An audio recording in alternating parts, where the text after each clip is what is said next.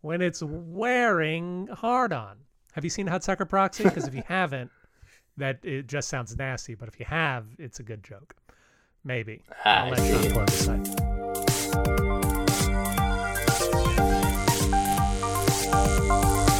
Well, I'm not a crook.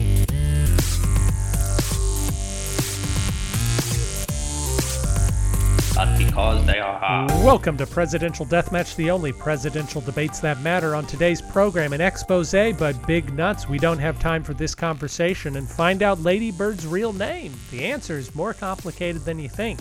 Today, we discuss presidential meet cutes, and we will be using a Kennedy Goldwater style debate because it's genteel, civil, and never happened. All that and more on today's Presidential Deathmatch.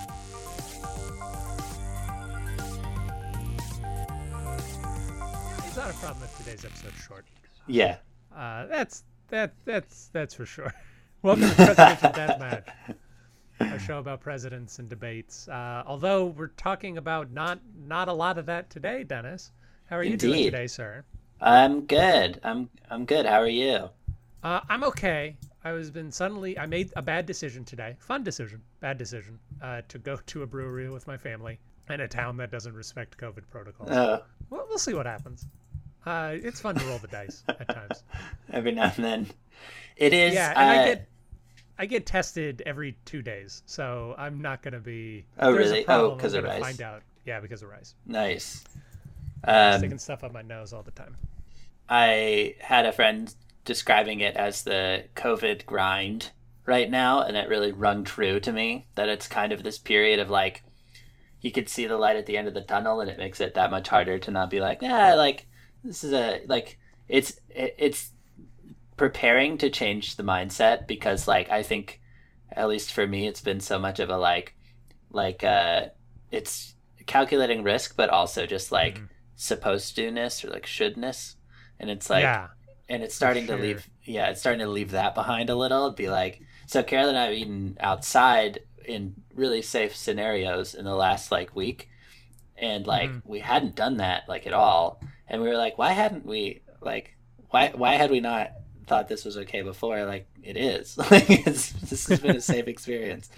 And i think it's just kind of this sense of like that you like if you if you dive into that in the middle of a pandemic where you don't know when it's going to end then you're just kind of setting yourself up to feel like almost like your limits are being tested all the time.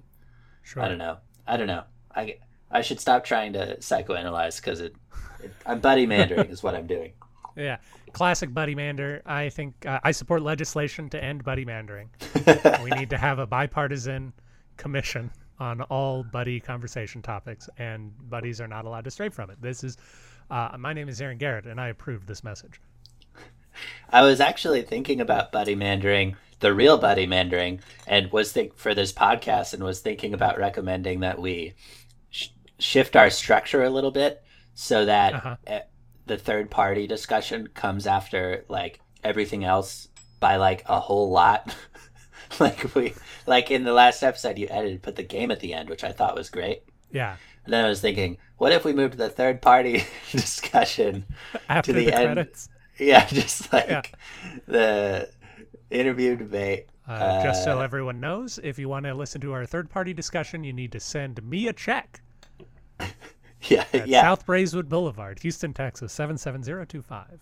We don't feel like setting up the whole like Patreon situation. So Not right now, not for the third-party stuff for sure. Yeah. We're not gonna go all out for that. But like, if you want to hear us talk about it, we do it. Just send me a check, and then I w- I'm gonna send you a CD, uh, or if you would like, if you pay a little bit extra, I will buy a four gigabyte flash drive, and I will send you a five-minute discussion on a four gigabyte flash drive. and then you send it back for the following yeah, week, when when you want it reloaded. and we'll put up the next one. Oh boy. Well, we may not be talking about third parties much this week. I mean, we will. I'll I'll generate a, a random person to talk about. But today we are slightly amending our format. Uh, that's a joke for later. Sharp-eared listeners uh, will know. We are slightly amending our format. And uh, Dennis, as we know, today is March 4th. If you're listening to this when it is released, it is March 4th. March 4th, most romantic day of the year. Indeed. So we're going to be talking about the love stories of presidents. A lot of people have been asking Aaron and Dennis, Dennis and Aaron, when are you uh, what are you going to do for the big march 4th because the pressure's on all of us everybody all the time is wondering how are people going to blow the romantic doors off its hinges on march 4th exactly. love Yeah. stories it, for sure for sure uh, a terrible winter storm did not postpone our valentine's day episode No. Which was itself delayed by poor planning on our part so that it would have come out five days after valentine's day anyway that didn't happen One could call it a perfect storm. and I wish that we would. Uh, no, Dennis and I believe that two and a half weeks before the beginning of spring is the most romantic time because it's the promise of something blossoming. I did come across uh, a real, actual reason that March 4th uh, has some link to presidential romance. Uh, really, just Oh. by luck, I, I discovered it. But uh, it's Ronald Reagan's anniversary Oh, with Nancy Reagan, and he wrote her oh, not a very Jane, nice. not his first wife. yeah, yeah. Let, can I read this uh, letter that I that that I heard on another podcast and then found? Could you save it for our main segment? Okay. Well, Could- when could you we hear move- it, you're not going to believe how perfect it was that we're doing this on the old inauguration day instead of Valentine's Day. Okay, wonderful. You wouldn't believe. Well, we don't want to keep people in suspense for too long, so let's swiftly move to the polls. Uh, of course, a number of weeks ago, who knows what time is anymore, we had a discussion on anime voice actor, and even the educated opinion of Megan Avocado was not enough to overcome the populist fervor of Ronald Reagan. And Ronald Reagan takes that contest narrowly but decisively. Uh, and then, of course, last week we spoke to Autumn Clack and Ruth McCleskey about which president would be the best pole dancer. Calvin Coolidge currently leads. Still, Coolidge's run deep.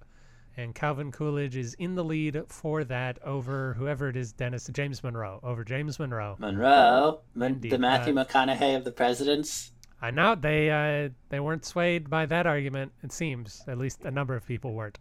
But you still have one week to vote on. that. Alas. So we're not going to be doing a traditional debate today, but we are going to be uh, selecting a president and his wife from our slate of presidents uh, to to say that they had the best love story. Uh, Dennis, who did you choose? I'm gonna do Ruthy, Ruddy and Lucy, Oh, Hayes. The abstention duo. the abstention duo. They didn't drink. They were teetotalers. Never mind. Ah, yes, not worry about it. yes. They Ruddy and abstenched. They they abstenched so hard. You would Oh, have yeah. thought they were a couple of a couple of pigs. I know I did.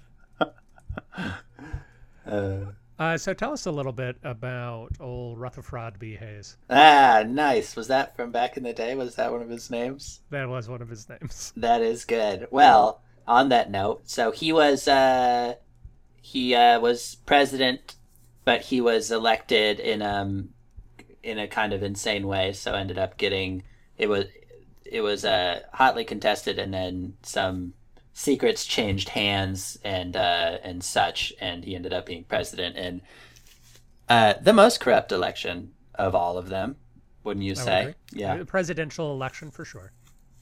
But as a person, uh, he's uh, he was a pretty gentle fellow and um, a pacifist, really. And uh, this was in the Reconstruction era that he was president. So um, he was right after Grant, who was himself after Andrew Johnson, who was after Lincoln. So in this period of Reconstruction, he technically ended Reconstruction, I believe, brought the brought the end to that. Uh, but he was, yeah, he he became over his life. He fought in the Civil War himself and uh, became over his life very much an abolitionist and, as Aaron mentioned, a teetotaler and all the rest. And a lot of that was influenced by by his wife uh, quite a lot, who he loved very much. And the cool thing about Rutherford B. Hayes too is that he always kept a diary and wrote lots of letters, and all that stuff exists out there in the world um, now on the internet, so you can kind of get a pretty good sense of that period and who he was and everything else. Um, from all of that. So he's a cool president for that reason too. But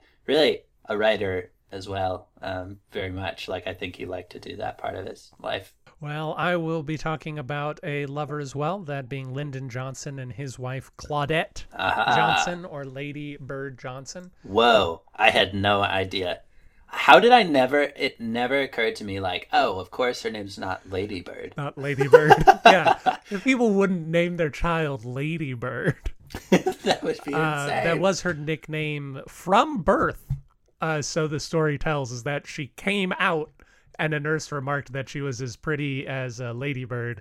Oh, and wow. Name stuck. Yeah, so it is it is very close to her her actual name.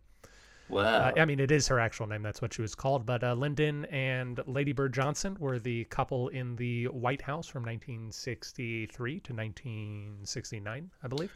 And uh, Lady Bird was one of the last few. You know, maybe that's not even true. She she's an old-fashioned politician's wife in a lot of ways, and I'm going to talk about what her life was and what she gave up to be with Lyndon Johnson. But she was definitely a person who saw her job as to make her husband great and to sort of live vicariously through him, including once she had a remark to her daughters to a similar effect where she said like you you can have your dreams. My dreams are through your father something like that to that effect. Uh, but they got together when they were both in their 20s like so many people they stayed together for the entirety of their lives both natural born texans.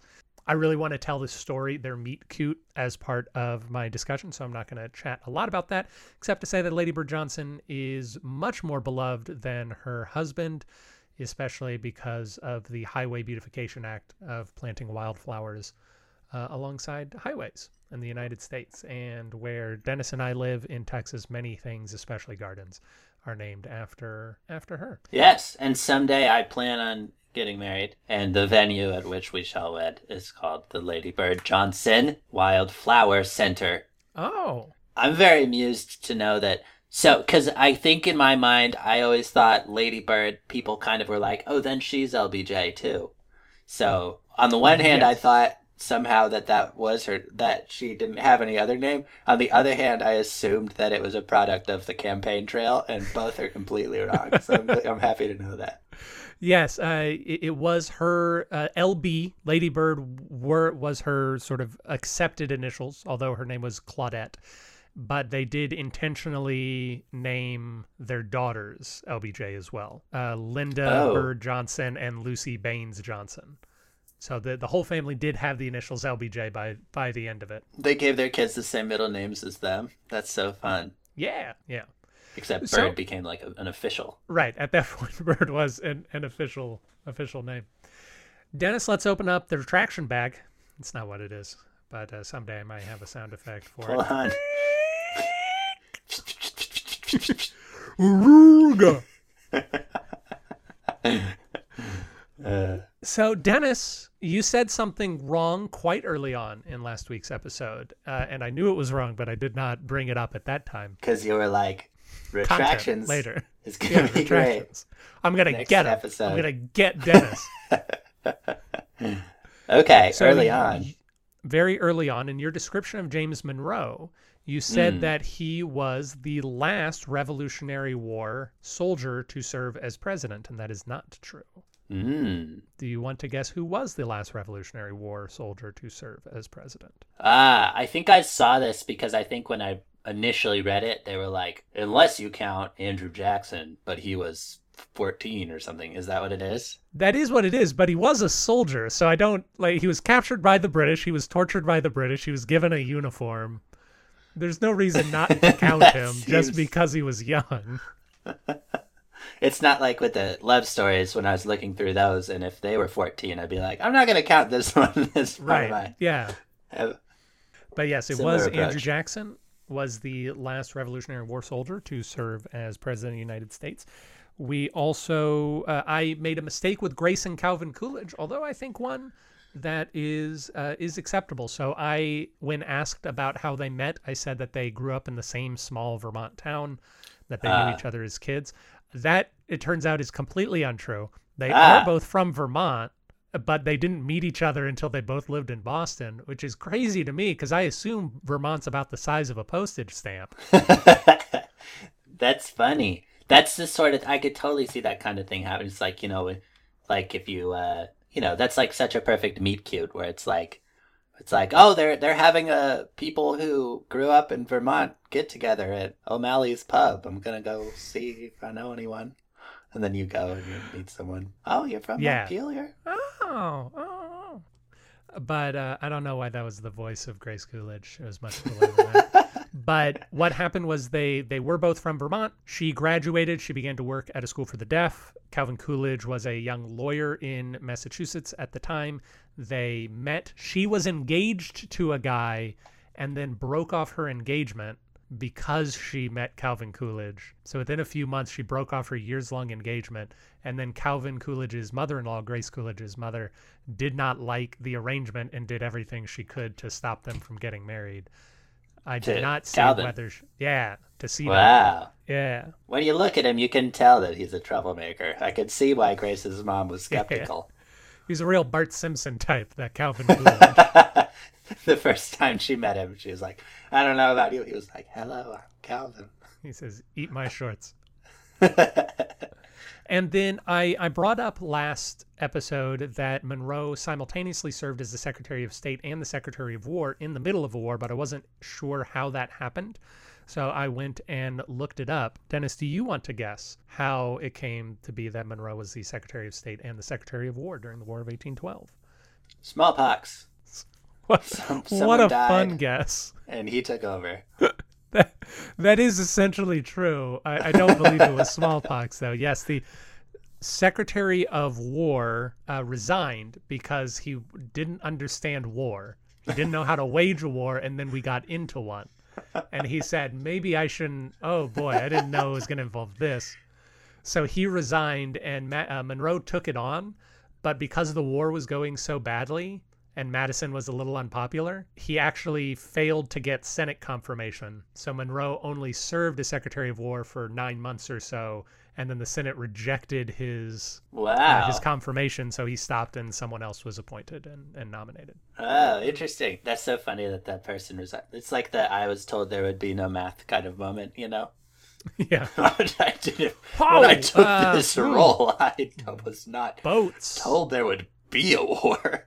Yeah, like oh guys, we just we just fought. A, didn't we fight the British already? Like, what are we what are we doing here? Am I crazy? I kind of assumed I thought we was took care of this. Yeah. And he's out at bars and such like, yeah, Secretary of War, you know. It's kind of a honorary position, yeah. but uh, it comes with a salary, so. Uh, That's Dennis, funny. it's time for everyone's favorite time: closing up the retraction bag. I have a friend who could do a really good, um, like, clown horn. Yeah, that's I'm not a good try because because I now that I've seen someone who's good at it, it's one of those things you can't do to you. I practice animal Beep. sounds sometimes in the hopes that maybe one day they'll cast me as a cat or something in a show. I don't know why I do it, but I practice going that sort of thing. So, Dennis, we're here to talk about presidential love stories, and I hear you have something about Ronald Reagan. ah, indeed. Well, let me just start by reading this letter that I heard someone read on another podcast. Which podcast? We we should at least Uh, do the. Plodding through the presidents. Oh yes. It's a good one. Um, anywho. So Reagan, uh, in 1960 or so. Hold on a second. You know, a lot of people with history podcasts do primary research. Some others they'll do secondary research. Dennis and I, we like tertiary research. Yes. That's our favorite. I like to do tertiary research and then step backwards into the secondary sources and then consider whether I really need to look at the primary sources. Right. exactly. Kind of go that way. What what is what is it called if the source is uh, the conversation that you have with the other person on your podcast and then you just pretend like it was something that you had learned earlier? Fox News. Oh, got him. I got him, Dennis. I got him right there. Yeah. Bam. Ahooga. This isn't good because Jessica did just recommend this podcast to some of her coworkers, and now if they're listening to us being uh, this, they they may not they may not enjoy it. Well, there's some fun facts sprinkled in here. They'll That's like true. it. The letter though. Okay, so now that I'm looking at it, it was written on February 14th. But just you wait. Something special about that date? February 14th, 1960. Oh, day 1960. That's an important year. Oh, Good year. All right, so he says, "Darling mommy poo." He called her mommy, and then and she called him Poppy. So times have changed. different time. True. Not really. Uh, fair. Well, yeah, outside of the bedroom, they called each other Right. mommy and poppy. So I see. she she didn't call him daddy. She she called him poppy. Right. February 14th may be the date that they observe and call Valentine's Day, but that's for people Ooh. of only ordinary luck. What an asshole. I guess he's right. I have- to his wife, though. Indeed. I happen to have a Valentine's life, which started on March 4th, Oh, 1952, he won and back. will continue as long as I have you. Therefore, realizing the importance of this to me, will you be my Valentine's Valentine from now on and forever and ever? You see, my choice is limited: Valentine's life or no life, because I love you very much, Papa. And then he drew some hearts. oh, that's Pretty sweet. sweet. Yeah, that is very sweet. He got me back. He got me back on board. The the Wilson As he train. so often does. Yeah, bastard. Uh, that's one of one of two very nice letters that I saw of his. Well, let me tell you about. Oh, do you want to talk some more? Because I had a segue. Oh no, I think I think we should put some space between our Reagan letters. It can be a lot of Reagan all at once. That's fair enough. Yeah, a lot of Reagan. Well, another couple, another presidential couple famous for their letters was, of course, John and Abigail Adams, who are my runners up Indeed. for today for Best Love Story. So I think that a lot of people uh, know or at least have heard of John and Abigail Adams because of John Adams' stance in the formation of our country. And what is uh, known is that unlike some wusspusses like Thomas Jefferson and James Buchanan, John Adams left behind over 1,100 letters that he wrote to his, his wife over the course of their very long marriage together, at least 60 years, if I'm not mistaken. He lived until he was 90. She died a few years before him, and they got married when he was 29 or 30. So they, they were together uh, for, for quite a while there. So most of their life, most of their early married life was spent apart from each other. And that's a fact that I don't think a lot of people appreciate is that because even though uh, Boston and Philadelphia are not terribly far apart from each other by modern standards, you, you could certainly drive that in a day. I think I have. And you can take planes very easy and trains uh, relatively simply.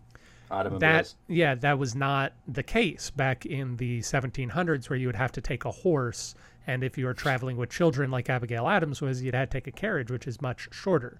If you remember us talking about the innkeep episode there were inns every few miles because the speed of travel was so slow for groups of people. So john I remember this uh, from when I was in Romania. We driving to school. Occasionally, there would be a horse with a carriage in the in the road, and it would really mess with getting to school on time because you get stuck on a bridge or something behind someone with their horse. yeah Yeah, it's just come on.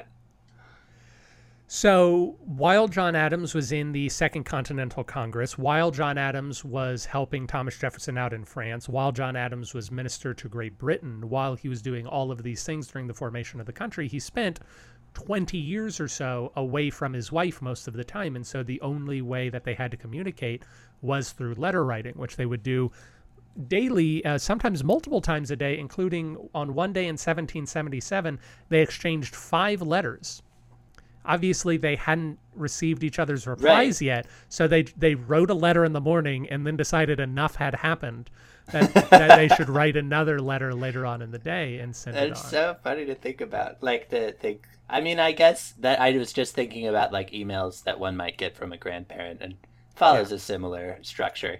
so one thing that john adams john adams is a bit of a saucy guy like he may look like a troll but he's uh, he's not shy about things so one thing that he wrote to uh, abigail smith so this is not when they are married this is when they are still dating he writes her uh, perhaps not quite as romantically as ronald reagan i hereby order you to give him to which he is referring to himself I hereby order you to give him as many kisses and as many hours of your company after nine o'clock as he pleases to demand.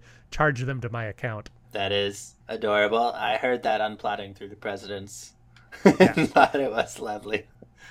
and then he also wrote, I suppose at one point Abigail got embarrassed about their correspondence and she asked him to destroy their letters to each other. And he said, You bid me burn your letters, but I must forget you first. Ah, Yeah. So they uh, they are sort of America's first power couple. She was a smart cookie. She uh, she asked him, "Hey, what if women had equal rights in this new country?" And he said, "Whoa, thanks for the thanks for lightening the mood, there, there, baby."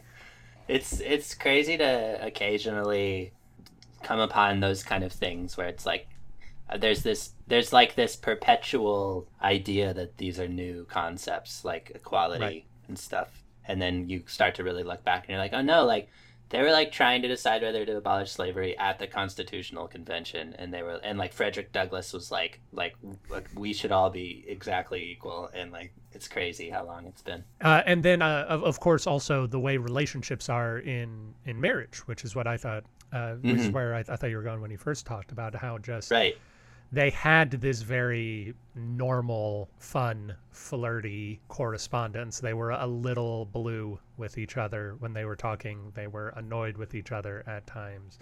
They relied on each other. Very House of Cards is how I feel about John and Abigail Adams. Do you have any other presidential love stories, Dennis? Well, one, yeah. I so I, I went with Ruddy and Lucy Hayes, but really it could, I could have gone with lots of different people in my um, Yeah, my sure. group.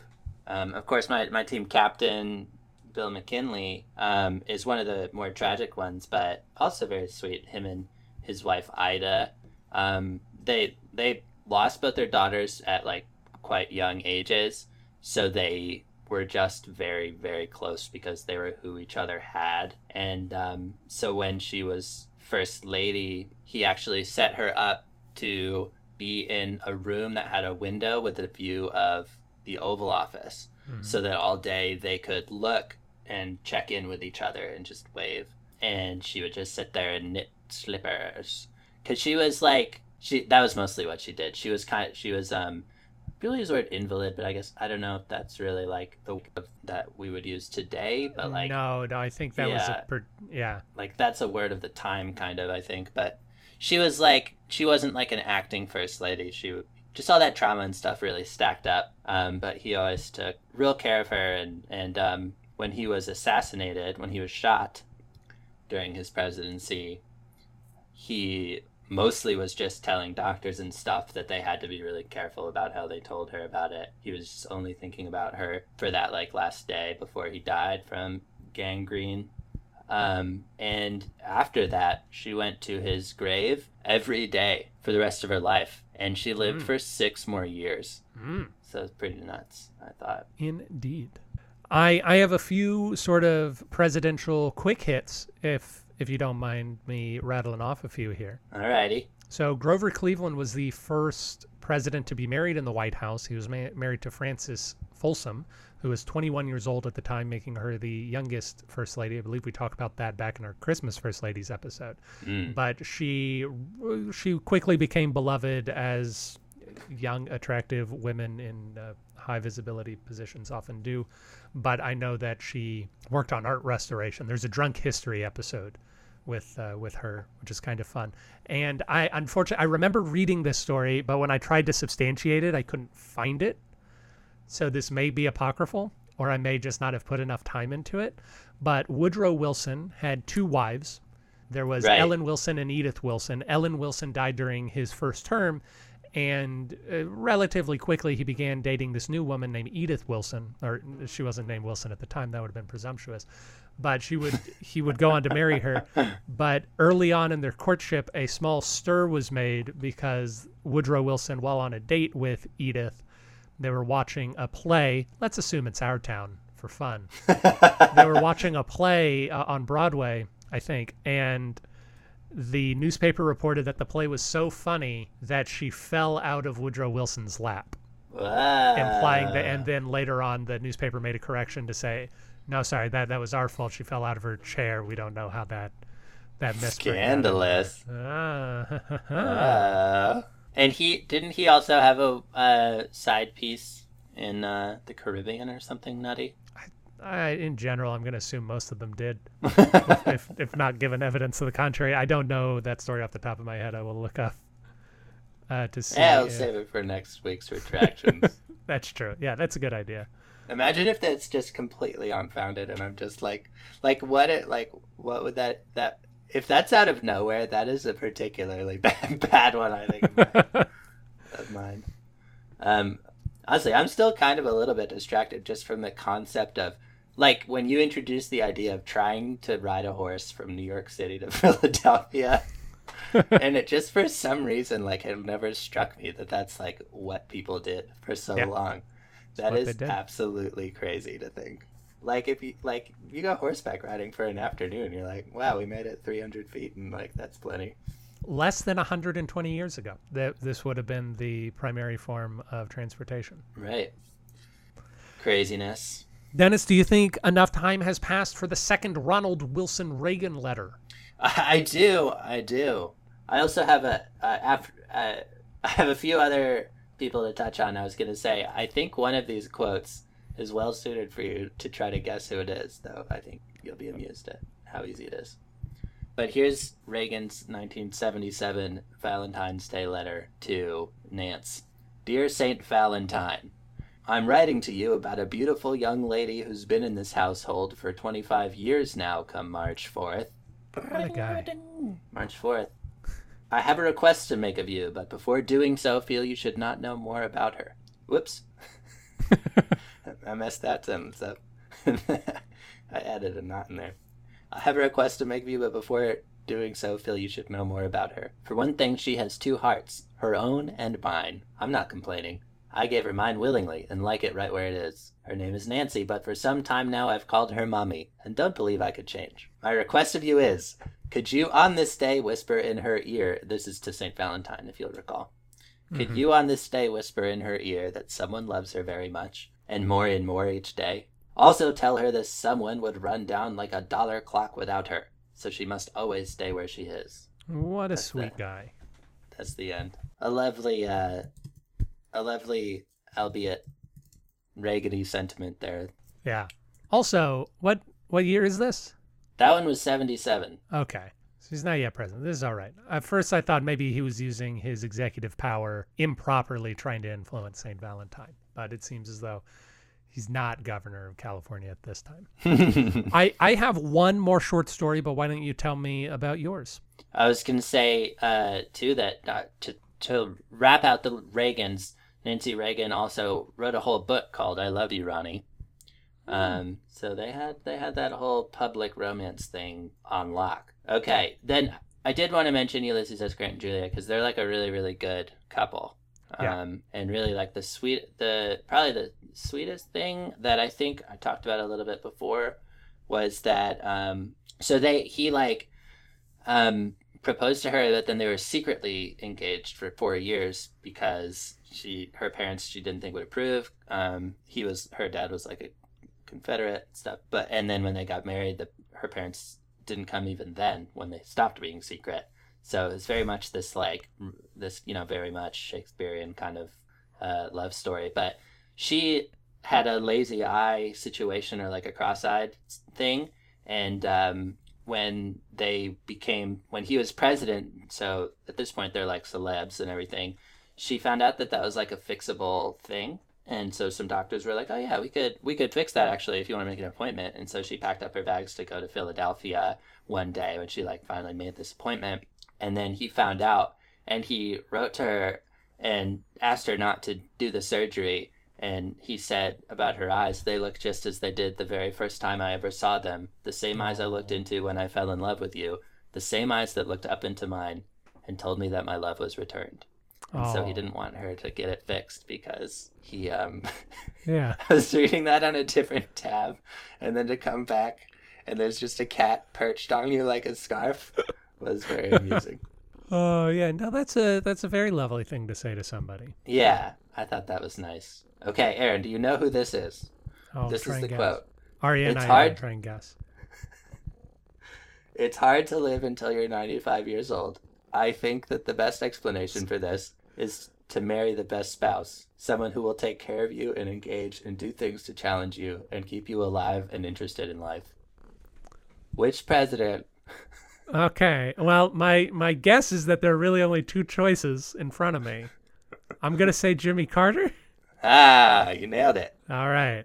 Who's the other president who's was that old? I don't know how old uh, HW was when he died, but he would have been right Oh, around could have been close. Yes, which is nice because she's still around as well, Rosalynn Carter. Yeah, she is. So they're going strong. Yeah, they seem like a sweet couple. Yes. He's so old. Yeah, it's insane. What did I see? There was some article about him the other day. Oh, it was. I think it was like they lost power. No, no, they're not in Texas. No. It must. It was some. It was some disaster recently. Oh, he like he had a fall or something and had like a huge like half his face was like bruised up. Yeah. Um, but they kind of like got pictures and stuff of it in the press because he was out volunteering. like Yeah, the next yeah. day. You might be thinking this is an article, but you sent me a Reddit post with most of this information. That's so you might just be thinking of a Reddit post that you read. Yeah, that's what it was about how he is a a badass. Yes. Yeah. Uh, we have an in-depth article about Jimmy Carter, the byline "Big Nuts." Big Nuts had this to say. Game. We Dennis, we may have to do an entire episode about presidential mistresses because we we have not touched on them at all this episode, and they are, of course, a, a tradition among presidents. Yes. Yeah. But uh, one president who, as far as we know, didn't take a mistress was Chester A. Arthur. His wife, Nell. I thought that their story was lovely and interesting. Also, a bit of a New York power couple. They uh, they used her popularity and singing ability to help spearhead his political career. But Nice. their their relationship was somewhat strained during the Civil War because she was a Confederate and he wasn't because she Oh, was my. from Virginia. So her sympathy, she was secretly a Confederate in New York, and that uh, that caused some problems. But you know, we get over it. For, uh, you know, forgive and forget.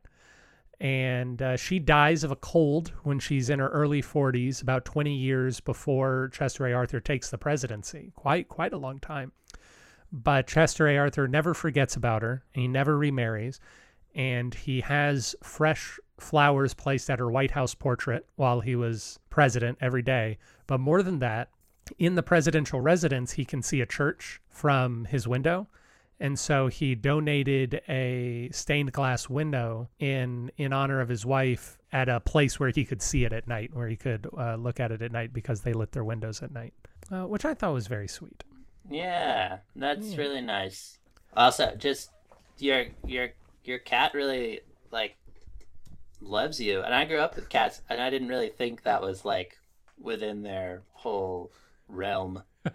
so Yeah, she she likes getting all up ons. yeah, it's adorable. That's yeah, that's quite a long time to to be a widower.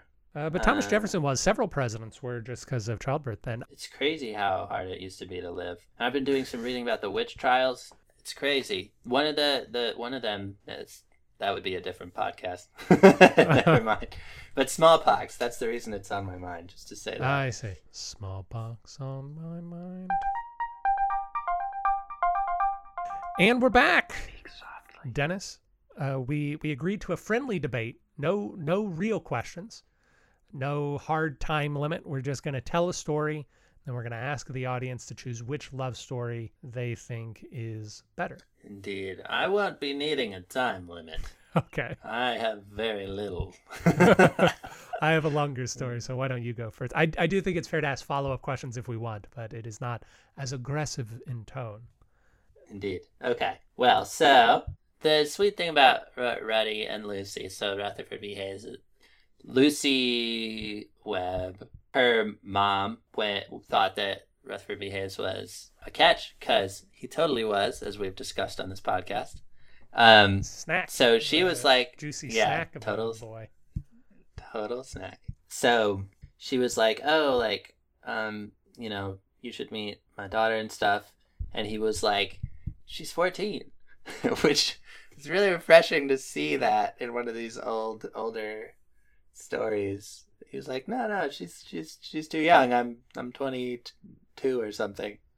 Uh, so no. and so then that just was that. But then later on, she was 19 and they were both at the same wedding in Ohio.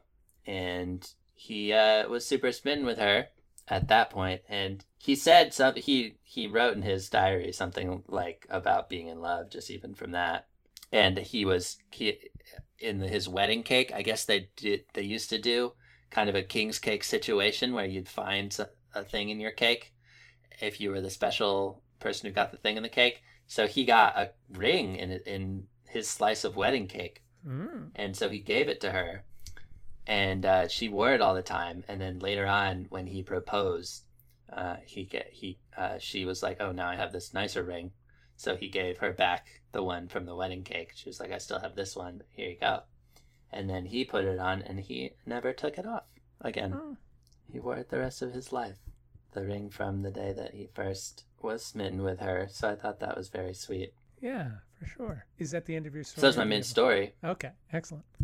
Uh, and then, as I mentioned earlier, he, they I, I looked through some of their letters and stuff from the Civil War when they were corresponding, and it was very very sweet too, just to see them writing back and forth so much. And uh, she would always talk about Reddy Junior and the other children and how they were doing. Um, and the way that letter they wrote letters is funny because they're so like uh, conversational and they're just kind of like trying to write stuff out because they're writing so many letters, you know, to like to her and then to like his uncle and then to his mom and then just like letters all the time. But uh, she did in one of her letters. She said he got moved from one brigade to another during the Civil War. Mhm. Um, there was another one too where like she she was saying that she couldn't sleep because she just got like so freaked out that he was going to end up like on the front lines with Grant and stuff like that. Um, but in this one, he had sent her a letter and then he had put he had put in it a goodbye that he had said to his brigade when he got moved to a new brigade because it was a brigade he'd been with for a long time and was very close with. And um, maybe he, maybe he was also proud of his like speech or something, so he like had put it in the envelope that when he sent it to her for her to see. And she said, "I read your little goodbye to the old brigade with pleasure, and yet with a good share of sorrow. The old brigade knew and trusted you, the new one yet to find out your kind and feeling heart." And I thought that was sweet. It is sweet. She's just like worried about him like adjusting during Yeah. a war. And Yeah, stuff. just uh, make sure you say nice things to the other brigade boys. You know, you Yeah. want to make friends. And the other nice quote I found from Lucy's letters was she said, Now that we have been separated, I feel how doubly dear you are to me, how wearily life would pass without you, and how I shall appreciate all your goodness when I once more have you with me. Just that was just thrown into the middle of one of her Civil War letters. So they're both writers, for sure. Corresponded quite a lot. Yeah. yeah, not a good way to start off a story. So I'm here to talk to you about Lyndon Baines and Claudette Ladybird Johnson. And they are a sweet, classic, uh, just just um, not West Side Story, but they're a class story. You know, I haven't seen The Notebook, but maybe it's like The Notebook. I've seen parodies of The Notebook, and something in my head tells me the class differences between the two of them are not dissimilar to the the going ons of The Notebook. But Lady Bird Johnson is a very wealthy woman in East Texas, Karnak, Texas. And she, surprisingly, somewhat unusually for the time, is a highly educated woman. She graduates at age 21 from the University of Texas with a dual degree in education and journalism. And she expects that she is going to, uh, that, that she, she wants to go teach in Hawaii or Alaska. And she's a very classic Southern woman, very gentle, and quiet, and polite. Now, Lyndon Johnson is this tall, gangly man. Uh, he's six foot three and a half. He's very skinny. He grew up in an area that doesn't have electricity. And when he graduated college, even before he graduated college, he taught in impoverished areas around Texas. Now, at the time that they meet, when Lady Bird is 21 and he's 26, he's working as a congressional aide and he's a guy who very much wants to get into politics, so he's working tirelessly at it. But he is in Austin for business, Austin, Texas, where Dennis is currently located, and he meets Mm. Lady Bird at a party, and they they they talk a lot. And the thing about Lyndon Johnson is he always felt like he was uh, dying because all the men in his family died in their 50s, and so he always felt as though he didn't have any time left, and so he was a very energetic personality. And so Lady Bird recounts how he was just kind of talking to her about all sorts of crazy ideas and things and things that he wanted to do at this party. and he asks if he can take her out on a coffee date and she says yes they'll meet tomorrow and then she forgets about it and decides Oh, she decides that she doesn't think she wants to go but she has to go downtown austin the next day to talk to an architect about renovations that they want to do to the house in karnak and it happens that this architect is across the street from the coffee shop that they had planned on going to and so Ah. Lyndon Johnson is sitting in the coffee shop. Lady Bird decides that she doesn't want to go on the date with him, but when she walks out of the architect's office, he sees her and he gets excited. He runs out to meet her and he convinces her to sit down with him and have a conversation. And they end up spending the entire day together. They end up going driving out in the hill country. And again, she's talking about how he's saying things that she very surprising how much money he makes, what he wants to do with his life, how he plans to run for Congress. He's just kind of laying out what his life looks like and what it is. They spend the next three or four days together all the time in Austin because uh, Johnson is in town assisting Richard Kleberg, who's the congressional uh, representative that that he works in the office of. But they have to leave. He has to go back to D.C. So within a week of them meeting, within five days of them meeting, really, he proposes marriage to her, and she says, "No, this is crazy. I I will not do that." And so he says, "Okay, uh, but we're gonna." Uh, and then he goes back to DC, and much like Adams, or much like uh, Rutherford B. Hayes, he writes her a letter every day. The first thing he does every day when he gets into the congressional office is he writes her a letter and he sends it off to her. And and a relationship forms, and he'll talk to her long distance when he's not supposed. He'll call her from the congressional office and use the Washington. D he'll have the taxpayers pay for his long distance call to talk to Lady Bird Johnson. And uh, over a few months, they they have a correspondence, and she brings him home to meet her dad. Oh, and he keeps proposing marriage throughout this whole thing. He's like, "Hey, we're gonna get married now." no, okay, but like we're gonna get married now, though, right? No. Uh, she she takes him back home to meet her dad. Her dad's a very wealthy businessman. Johnson is an uncouth Texan good old boy from a very poor background, but he impresses he impresses the pops, and he's in good. ladybird's father Thomas says uh, after their first meeting, "You've been bringing home a lot of boys, but this time you've brought a man." Ah, they got a great relationship. So he proposes again to her. She says no. and then he says uh, that if we don't get married now, we're never going to get married. So let's get married now. And so she says, okay. And they run off to, uh, they call up a friend in San Antonio. They're in Austin. They call up a friend in San Antonio and they say, hey, you know a judge, right? And he says, yeah, I know a judge. And he goes, okay, get us a marriage license. We're driving to San Antonio. And so that day Ah. they drive from Austin to San Antonio. On the way, Lady Bird also calls another friend and says, can you get us some rings from Sears? and they storm the judge and they convince him to uh, to marry them despite the fact that they've only known each other four or five months. Uh, oh, I was wrong. I apologize. I, I'm checking in. They didn't drive from Austin to San Antonio. They drove from Karnak to San Antonio, which is 400 miles. wow. And they've only been engaged for a few hours at this point, but they get married and then they spend their honeymoon. I'm double checking. Driving back to Karnak. No, I believe they go down to Mexico. Yeah. Uh, Hoko, Oh, nice. uh, Xochimilco. Uh, they take a boat down to Karnak. They actually spent their their marriage night in a hotel that uh, that I stayed in when I was in Saint uh, when I was in San Antonio, the Saint Anthony Hotel. Some Scandalous. Yes. Some quotes from the two of them during their time together. I had never been considered uh, this ladybird. I had never before considered myself a lonely person, but she had, but I had spent so much of my life by myself that I had gotten used to being alone. Lyndon came into my life, and in one week's time, he had become so much a part of me that when he left, I felt his absence terribly. It was embarrassing to admit that so much could happen in such a short time.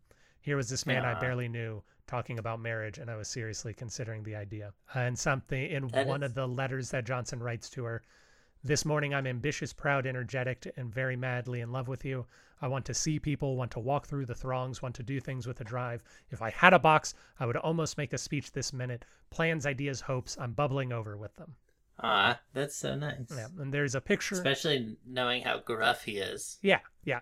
Well, uh, this article, I, I'm basing this on an article called uh, Brujula, which is Spanish for compass, and that is what Lyndon Johnson called Lady Bird Johnson. He, uh, his nickname for Huh. her was Compass, because he felt that she helped point him in the right direction. Yeah.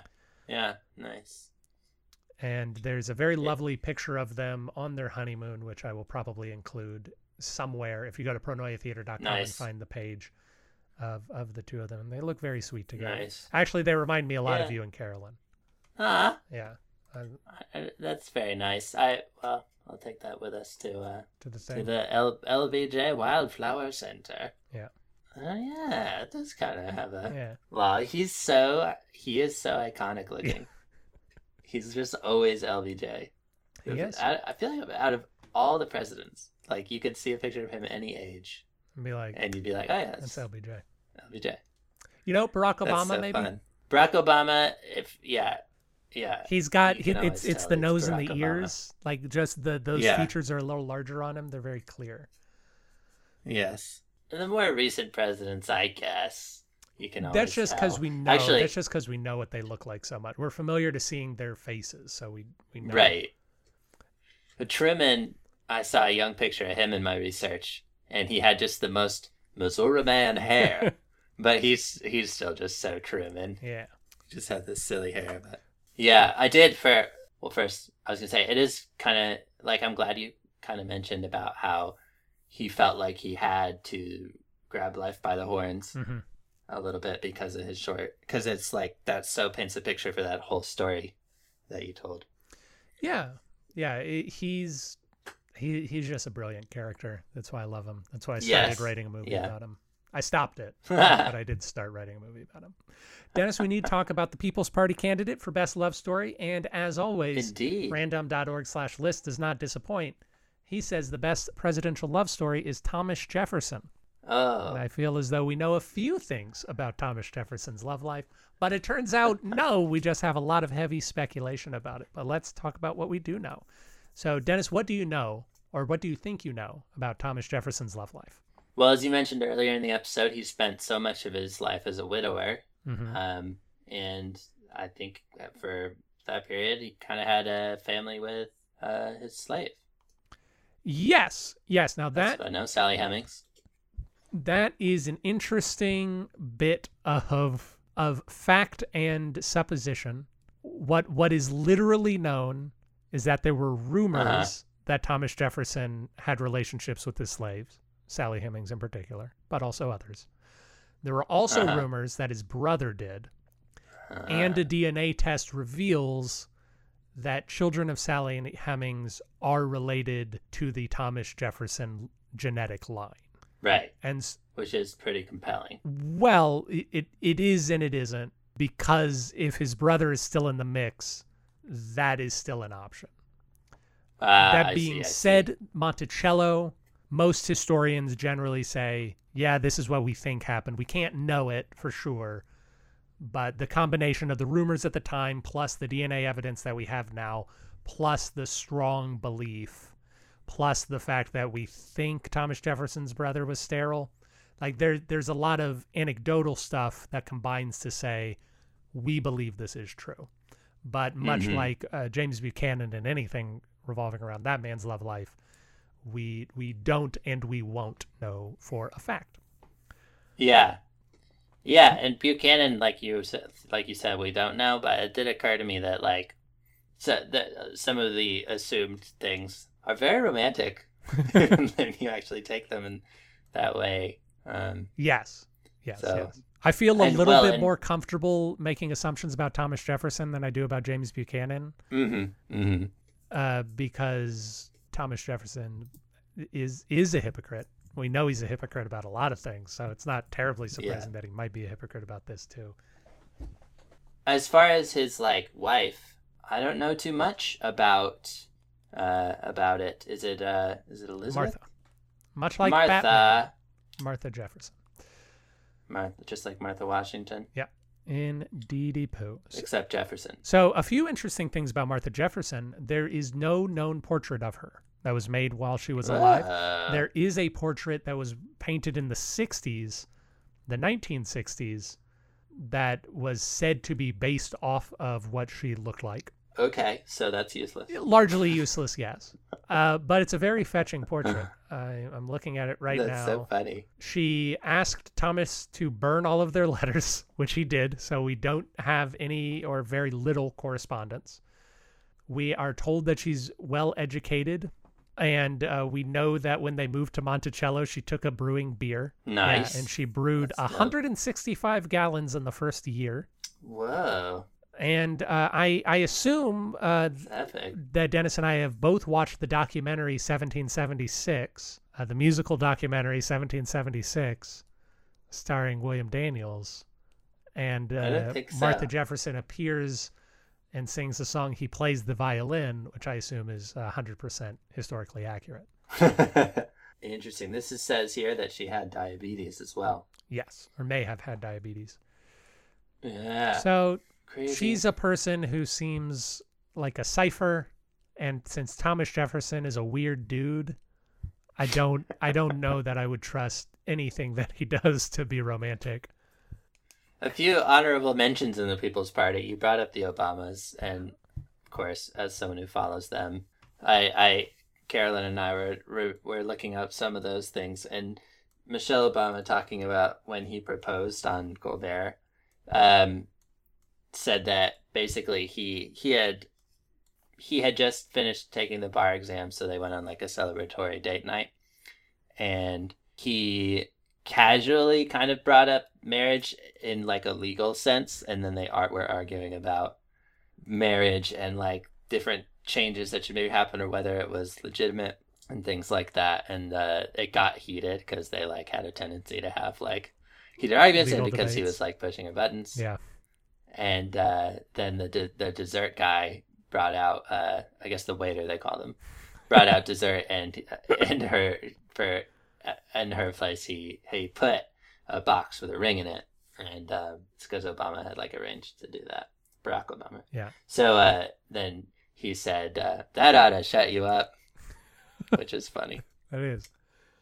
But I I assume Uh, it was in a jokey, charmy way that he said this, and not Yeah. in a Ralph Kramden honeymooners kind of way. yeah. Yeah, and then, yeah, then he got up and, and just walked out of the restaurant. Yeah. no. I think in her book Becoming though she does say that that even just later that night they got in another argument and she just gave him the ring back. She's like, I just don't even want this. but eventually it worked out for them. It's true. And when uh have you seen Suits, the show Suits? No, Uh, apparently so that's what Meghan Markle was in I do know before she was Princess before Meghan she Markle. was and then wasn't princess. Yes. So the the pilot of that is the the dude. It's got like the office kind of situation. So this young dude who joins this law firm, like him and Meghan Markle are like the Jim and Pam kind of thing. Right. She's a paralegal for like the first seasons, but she but basically like on day one they have all this like crazy chemistry and stuff. Mhm. And uh, Michelle was a lawyer lawyer at this firm, but other than that, seems like similar kind of situation where she had to show him the ropes on day one as the new lawyer in the Right. firm. I think I needled And, uh, Carolyn once by accusing Michelle Obama of being inappropriate in the power dynamic between her and Obama, and Carolyn did not want to hear that when I said it. Well, apparently, yeah, apparently she pushed back a lot when he, because he asked her out many times, and she said no. And he said that he was gonna, he was thinking he would leave the firm so that he could ask her out eventually. and she said, okay, fine, if that's what you're thinking, then we can just go out. There we go. And Man, the other what- People's what Party a honorable crazy mention. person. She's tricking him into thinking that he wants to leave the firm. That's how good she is at abusing her power to make an adult do a thing that he doesn't want. Ah, it's it's messed up, man. It's messed up. You- we got to mention Harding before we close out. I feel like Warren G. Harding, another Well- People's Party. Another People's Party, but I did float the idea of a presidential mistress episode. And if you like the idea of a Ah, presidential mistress episode, I think we can save Harding for that. That's true. And that, there's a little a little teaser there. Let, let's just say that if you mix around the syllables in his name, it becomes worrying hard on. Sorry, I was going to make a reference to Hudsucker Proxy, but only Sean Plow would get it. So I, I don't know that it's it's useful. Dennis, we've gone too late. I think I will end up making uh, the game a separate episode, but we can. Uh, we I think that's a great idea. we will talk about that later. Uh, have a fantastic week, everybody, and of course, you can vote on which love story you think is the best at uh, at the link in the description below. Everyone, have a great evening.